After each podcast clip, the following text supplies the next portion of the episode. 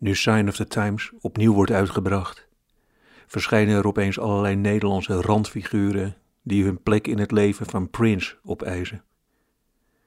Ik heb altijd netjes mijn mond gehouden, maar nu wordt het tijd om over mijn intieme, warme relatie met Prince te schrijven. Prince zocht voor het eerst contact met mij toen hij in 1981 optrad in Paradiso in Amsterdam. Ik had een paar schoenen waar Prince helemaal blind van was. Ik woonde nog bij mijn ouders. Lang verhaal kort, een kwartier nadat hij springend had aangebeld, stond hij samen met mijn vader een gehaktbrood te kneden. Een hele gewone jonge Prince. Ik mocht hem bij zijn echte naam noemen, Kobus, maar dat heb ik geweigerd.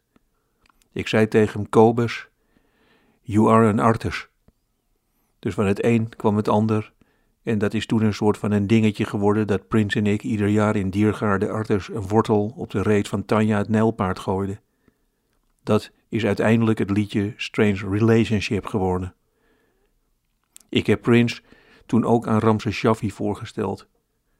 En het was een unieke ontmoeting. Er was meteen chemie. Alsof er twee planeten op elkaar botsten.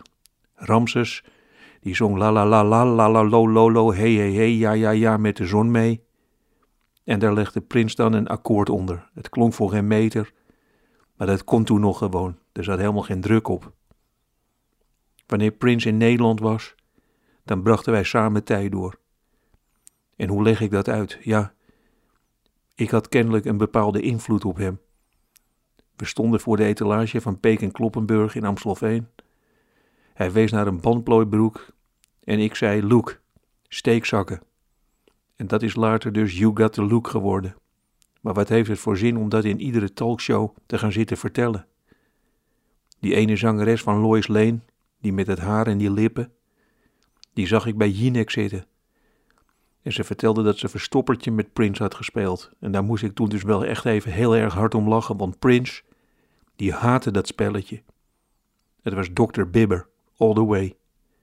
En nachtenlang, hè.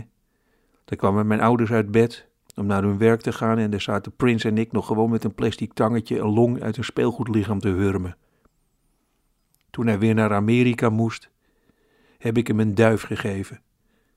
Ik heb midden in de vertrekhal van Schiphol staan janken als een kind. Ik had een paarse trui aan. Buiten begon het te regenen. Moeten jullie nu eens raden welke liedjes hij later voor mij heeft geschreven?